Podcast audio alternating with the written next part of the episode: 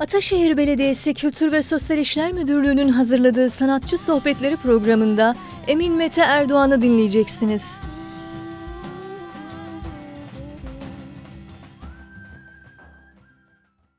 Merhaba, Ataşehir Kültür Merkezi bünyesinde gerçekleşen sanatçı sohbetlerine hoş geldiniz. Ben Öykü Demirci.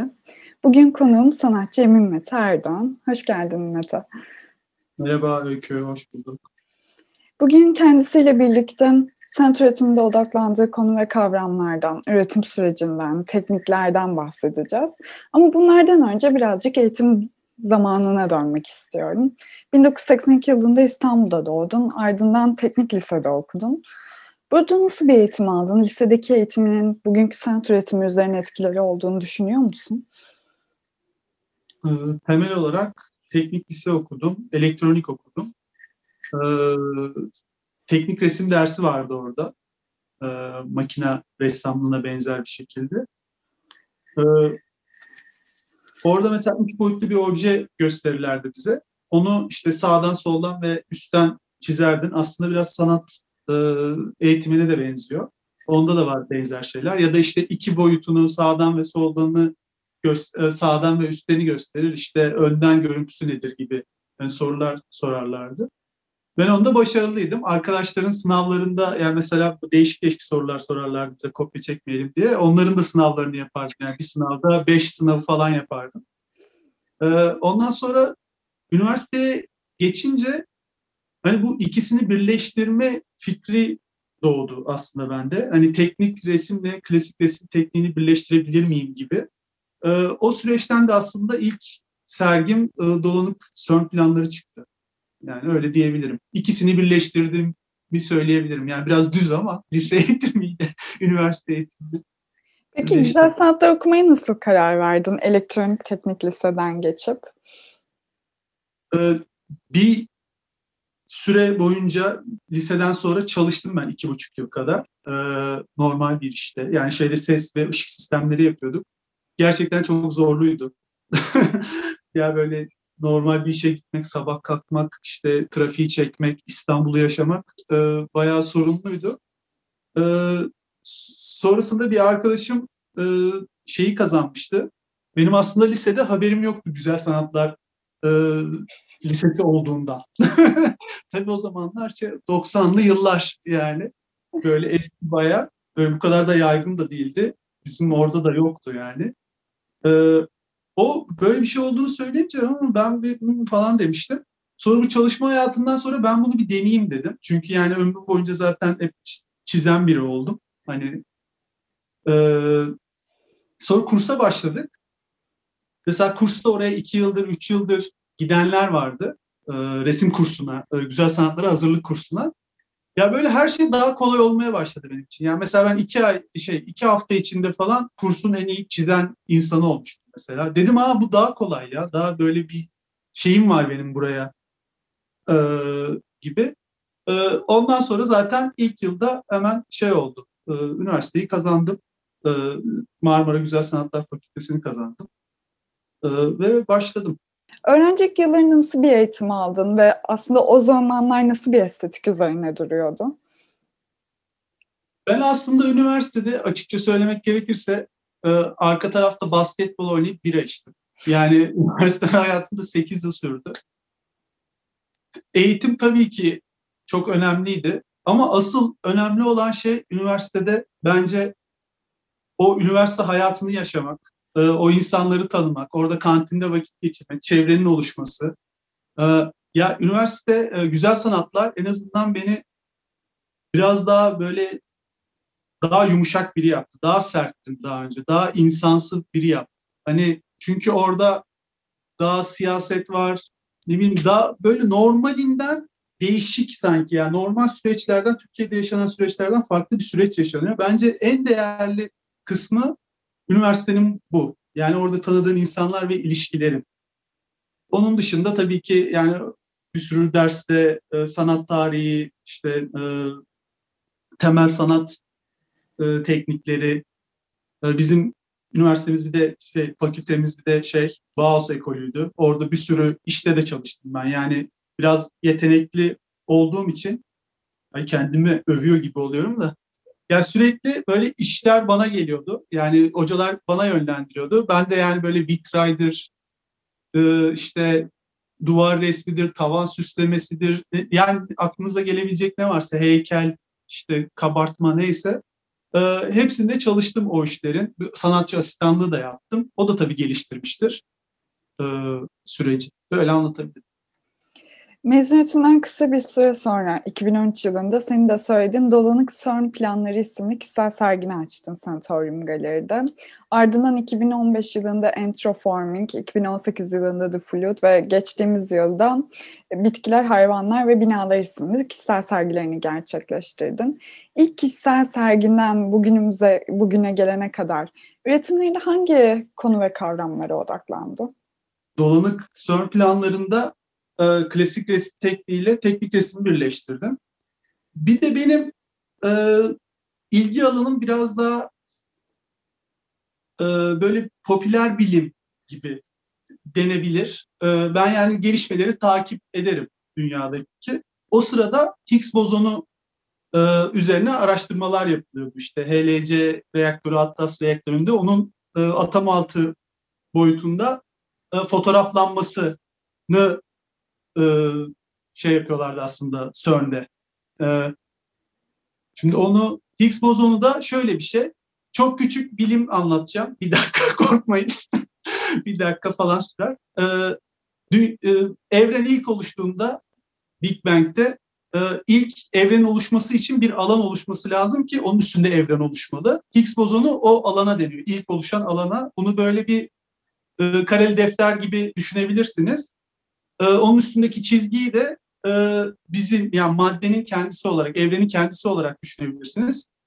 Higgs bozonu da e, yani mesela saf enerji Higgs bozonuna dahili direnci dahilinde e, madde kazanıyor. Yani aslında pamukla işte demir arasındaki fark buradan çıkıyor. Bu da çok ilgimi çekmişti o zaman. Ve ben de bunun üstüne e, zaten teknik resimle klasik resim tekniğini birleştirecek bir şey arıyordum. Ve oradaki makineler e, günlük hayata referans vermediği için e, tam da istediğim şeyi e, sunuyordu bana. Ve o makinaları çizmeye çizmeye başladım ben. Orada aslında makinaları bahane edip o makine, makinaların ayrıntılarını, ayrıntıların birbirleriyle ilişkilerini, e, makinenin kendisiyle ilişkisini ya da makinenin mekanla ilişkisini açık eden bir A özgün imgesi oluşturdum. Yani mesela Sezan nasıl şeye bakıyor, e, bunu Yağız yazmıştı galiba bana bir yazı yazmıştı. E, bir dağa bakar ve dağın içini çizer ya aslında o sistemini çizer Sezan. Ben de o makineleri bahane edip aslında o evrenin kumaşını dediğim Higgs bozonunu çizmeye çalışmıştım aslında ve o makinelerde günlük şeye e, bir şeye referans vermediği için o A özgün imgesini hepsinde kurmuştum. İlk sergim böyle olmuştu. Bunu güzel anlattım. Bu iyi oldu. Şimdi ikinci entroforming. Daha kısa kısa anlatayım. Ee, entroforming de terraforming e, kavramıyla entropi kavramının birleşmesinden oluşuyor. Benim uydurduğum bir şey, isim. Ee, terraforming e, dünyalaştırma demek. Yani şimdi Mars'a gidiyorlar ya mesela Mars'ı işte dünyaya benzetecekler ki mesela insanlar yaşayabilsin. Buna dünyalaştırma deniyor. Entropi de uzay zamanın yani evrenin herhangi bir yerindeki e, düzen ya da düzensizliğe ait bir ölçü bilim. Ben bunların ikisini birleştirdim ve canlı ve cansızları kullandım. İlk kez e, bu seride bitkiler girdi işin içine. Daha önce hep makineleri çiziyordum ve makineler kapalı alanlardaydı. Dolanık son planlarında e, daha kapalı alanlarda işler vardı. Onları e, çağdaş desenler olarak tanımlayabilirim. Burada açık plana çıktı. Biraz daha çağdaş manzaralara dönüştü aslında olay. E, burada da uzaktan bakıldığında bitkiler ve makinalar var belli bir düzende yan yana geliyorlar. Ama yakınlaştırdığımızda, yakından baktığımızda işlere e, bir birimlerinin aynı ol, olduğunu fark ediyorsunuz. Mesela sıfırlar ve birler gibi hani dolu kareler, boş kareler, işte iki tane dolu kare, bir tane boş kare, üç tane dolu kare, bir tane ya da tam tersi olarak aynı birimden oluştuğunu fark ediyorsunuz. Yani temelinde aslında canlı ve cansızın e, birimlerinde en düşük biriminde aynı şeyden e, aynı birimden oluştuğunu gösteren bir sergi burada. E, The Float'ta e, biraz daha farklı bir şey var. E, The Float e, ben o zaman şeyleri araştırıyordum. Dünya mitolojilerini araştırıyordum. Dünya mitolojilerinde de e, özellikle Mezopotamya bölgesinde e, Nuh tufanının çok ortak olduğunu gördüm. Bir sürü farklı mitolojide, bir sürü paganizm çeşidinde ve bizim işte teizm dediğimiz Müslümanlık, e, Hristiyanlık, Yahudilik gibi dinlerde ve mesela işte Sümer'de örnek vermek gerekirse e, aynı e, olduğunu gördüm hikayenin. Bunu bir insanlık e, hikayesi olarak, ortak hikayesi olarak algılayıp eğer Nuh tufanı günümüzde yaşansaydı nasıl bir manzarayla karşılaş, karşılaşırdık sorusuyla e, The Float serisini yaptım. E, sergisini yaptım. E, ve tabii o sergi esnasında da aslında o tufanın yaşandığını hani şey deniz seviyeli, seviyelerinin yükselmesi gibi yani işte ya da insanın işte dünyayı ya, hor kullanması gibi şeyleri aslında ve onun cezasını çekmesi gibi şeylerin yaşandığını da gördüm aslında. Ee, son bitkiler, hayvanlar ve binalarda ise hmm, bitkiler, hayvanlar ve binalardaki binalar e, insan aklının bir metaforu aslında ve o seriyi bitkiler, hayvanlar ve insanlar olarak okuyabiliriz. Burada normalde e, hep insanları biz e, bitkilerin ve hayvanların yerlerini işgal ederken görüyoruz normal süreçte. Ama burada tam tersi bir e, şey var e, bu işlerde bir kadraj var. Burada insan yapımı olduğu belli binaları içinde bitkileri ve hayvanları görüyoruz. Ama onlar orada hapis değiller. E, yani burası bir hayvanat bahçesi değil. Aslında burası ya onlar orayı ele geçirmiş gibi ve normal hayatta ne yapıyorlarsa, normal yaşamlarında ne yapıyorlarsa onu yapmayı sürdürüyorlar. Yani işte yavrularıyla vakit geçiriyorlar, e, işte çiftleşiyorlar, avlanıyorlar, kavga ediyorlar, oynuyorlar. Yani orası artık onların bir, e, o bina onların ormanına dönmüş, doğal yaşam alanına dönmüş gibi aslında. E, bu tersinelikle de birlikte bu sergide de zaten ilgisini çeken oydu sanırım Markus Bey'in. E, yeniden bir insan tanımı, e, yeniden bir işte doğa tanımı, e, insan, hayvan ve bitki arasındaki hiyerarşinin yeniden tanımlanması üzerine izleyicinin duygulanımını e, uyaracak bir seri yaptığını düşünüyorum. Kısaca böyle anlatabilirim. Ee, bu ser, sergilerden bahsederken aslında şunu fark ettim. Sen bir araştırmacı gibi üzerlerine çalışıyorsun, okumalar yapıyorsun. Bu araştırma süreci nasıl ilerliyor? Bir konuyu ele almaya karar verdiğinde nereden başlıyorsun? Nasıl bir süreç yürütüyorsun? Aslında ya araştırmacı gibi zaten benim hobim oluyor. O an uğraştığım bir konu oluyor.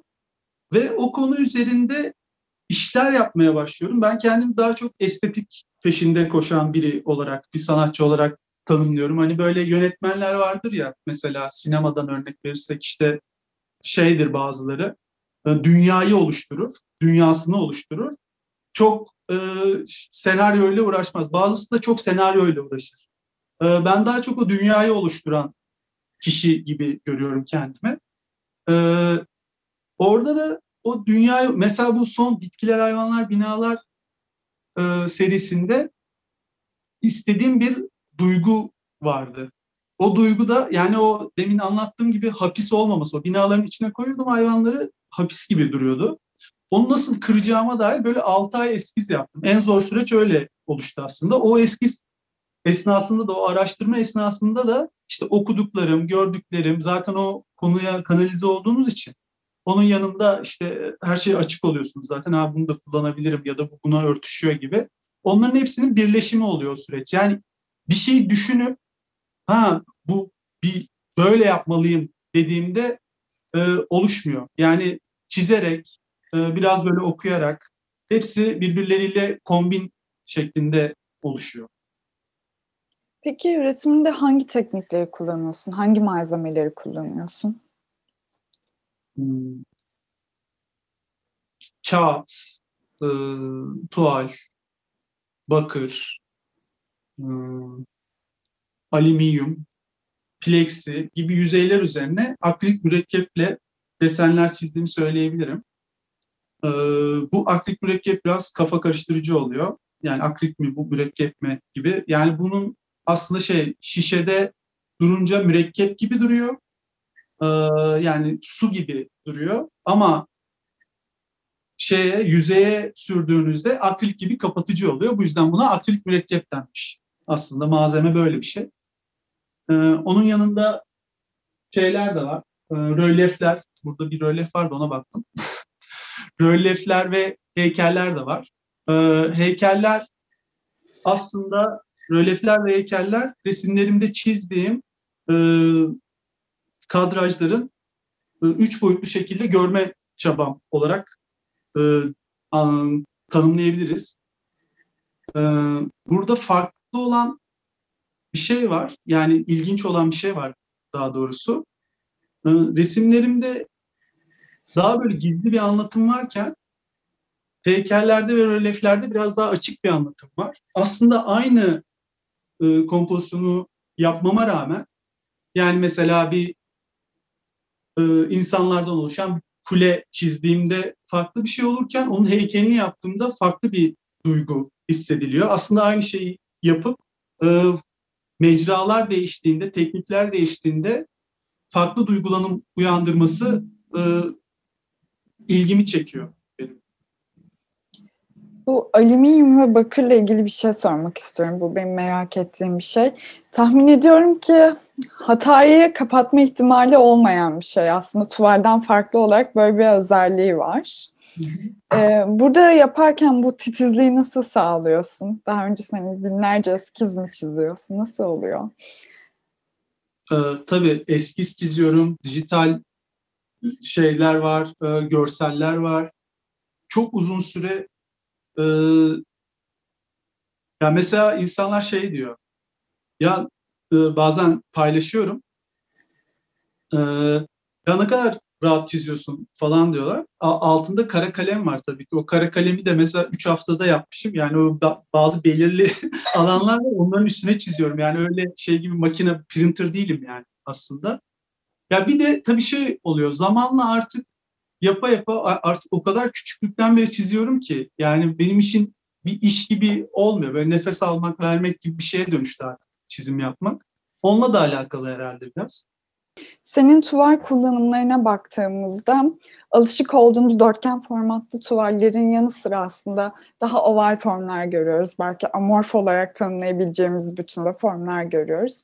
Tuval seçiminin üretiminle olan ilişkisi nasıl? Ee, şimdi onu şöyle anlatabilirim. Mesela bir dikdörtgen tuval düşünelim. Ekran gibi. Bu bunun uzun kenarı e, yere paralel olursa bu bize güven verir. Ee, içindeki resim hani düşecek, kayacak gibi bir şey değildir ama yani insan hisseder bunu, o güveni. Özellikle biraz alta işte küçük bir alana daha koyu şeyler koyup, daha ağır şeyler koyup yani aslında insanın beynindeki karşılığı odur. Daha üstü biraz daha fazla bırakıp ve açık tonlar koyduğunuzda hani bizim alışa geldiğimiz e, manzara oluşur aslında. Yani dışarıda baktığımız büyük bir gökyüzü, uzun bir gökyüzü e, ve işte kısa bir yer e, formatı. Bu insana güven veren bir şey. Bunu kare yaptığınızda gene güvenlidir. Yani sağa sola düşmez. Ama bunu yuvarlak yaptığınızda sağa ve sola kayma, yuvarlanma e, şey hissiyatı uyanır insanlarda. E, aslında bunu kullanıyorum ben. İşlerimde de şöyle bir şey var. E, daha önce demin de dedim galiba. E, daha gri bir e, hissiyat uyandırmaya çalışıyorum. Yani mesela o bitkiler, hayvanlar şeyde mi hapis mi değil mi? Hani orada ona izleyicinin karar vermesini istiyorum e, mesela. E, onu da o tekinsizliği de kuvvetlendirmek için e, bir e, kullandığım bir kadraj aslında o. Bir de farklı kadrajlar kullanarak her seferinde yeni bir e, tasarım da oluşturmuş oluyorsunuz. Mesela demek istediğim şey şunu böyle koymakla bunu böyle koymak arasında fark var. Yani böyle olduğunda daha tekinsiz bir his uyandırırken böyle olduğunda sağlam bu işte deprem olursa bu durur hissiyatı uyanır insanlarda. Bunu kullanıyorum aslında. Ee, tuvallerde. Biraz önce bitkiler, hayvanlar ve binalar isimli eserinde insan aklının metaforu olarak binaları kullandığından söz ettim. Ve aslında genel olarak üretimine baktığımızda da insanın doğayla olan ilişkisi üzerinde durduğunu düşünüyorum. Sen insanın doğayla olan ilişkisini nasıl yorumluyorsun? İnsanın doğayla olan ilişkisi ya biraz tabii hastalıklı bir ilişki. İnsanın kendisi de öyle olduğu için biraz. Ya insan sadece e, bütün evrenin ortasında olduğunu hissettiğinde, bütün evren onun için çalıştığını hissettiğinde e, hayatına devam edebilen bir varlık. Ne yazık ki öyle. E, yani sanıyor ki çilek onun için var. Ya çilek kendi evrimsel sürecinde ilerler yani. Ya onu tabii biz şey yapıyoruz da yani bunu bütün doğaya, çimen, işte ağaç neyse yani her şeye, kuş, her şeye uygulayabilirsiniz. Ya onlar kendi evrimsel sürecinde ilerlerler. Ya biz sanıyoruz ki bizim burası cennet bahçemiz işte hepsi bizim için yapılmış. Ee, bu hissiyatta olduğu için e, insan e, doğayla ilişkisi de bence sorunlu. Bir de diğer bir gördüğüm bir şey var. Sanki doğa buradan bir araca binip işte gittiğimiz bir yer gibi. Yani mesela işte bir deniz kıyısına gittiğimizde ya da bir ormana gittiğimizde doğa başlıyor gibi düşünüyor insanlar. Aslında doğa her yerde. Yani doğa içinden çıkıp girebileceğin bir ev değil. Yani evimiz gibi hani dört duvarımız var gibi düşünmemek lazım bence.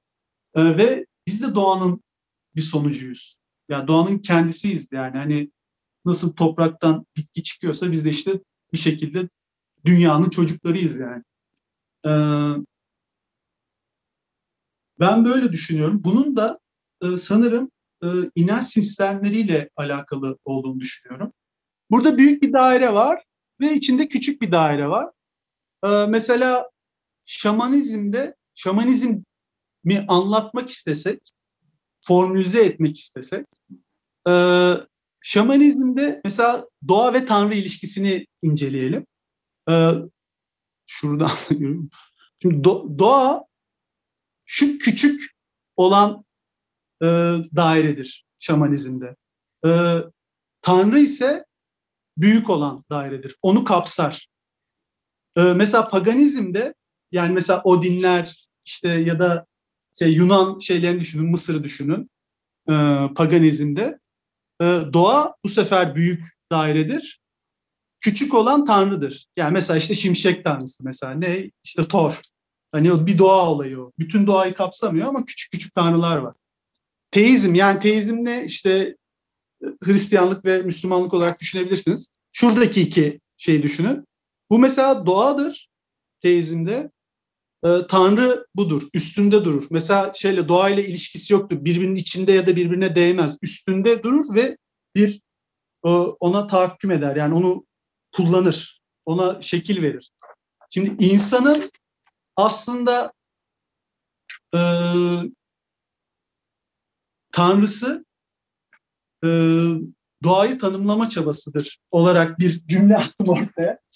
E, eğer bunu doğru kabul edersek e, ve kendini de doğayı açıklama ve dolayısıyla doğayı açıklayıp kendini açıklama çabasıdır ya biraz böyle onun formülizasyonlarıdır. Bunun diğer formülizasyonları işte bilimdir, felsefedir. Hani bir de dindir bunların. O gerçekliği tanımlama şeyimizin. Ee, burada biz şimdi teizm olduğumuz için ve öyle bir toplumda yaşadığımız için e, doğanın, Tanrımızı doğanın üstünde görüyoruz. Ve dolayısıyla biz de Tanrımız dolayısıyla kendimizi yücelttiğimiz için kendimizi de doğanın üstünde görüyoruz. Bu doğanın üstünde görme e, halimizden kaynaklı bence doğayla ilişkili ve günümüzde yaşanan sorunları yaşıyoruz. Böyle hani toparlayabilirim. Biraz çizimli falan bir şeyler oldu ama. İnteraktif bir röportaj. Son olarak biliyorum ki Ataşehir Belediyesi Cemal Süreyya Sergi Salonu'nda yeniden isimli bir sergide, karma sergide binalar, bitkiler, hayvanlar ve binalar serinden bir iş yer alıyor. Fakat bunun dışında yeni projelerin, yeni sergilerin var mı? Bir hazırlığın var mı? Contemporary'e katılacağım. Hı hı. Anna Galeri'yle, Anna Lauder'le. Evet, o, o var şimdilik. Onun dışında da e, yani bir sürü proje şey iptal oldu. Bu koronanın geçmesini bekliyoruz açıkçası. Ondan sonra biraz daha belirli olacak herhalde. Yani gelecek şey. Hatta bu kontemporanın yapılıp yapılmayacağını da bilmiyorum. Ertelendi ya acaba bir ay sonra olacak mı? Bir buçuk ay sonra mı olacak? İşte bakalım yani. Ne yazık ki böyle şimdilik projeler. Teşekkür ediyorum Mete bu samimi sohbet için ve katılmayı kabul ettiğin için. Ben teşekkür ederim Öykü. Ee, sanatçı sohbetlerinin sonuna geldik. Önümüzdeki ay yeni bir sohbette görüşmek üzere. Hoşçakalın.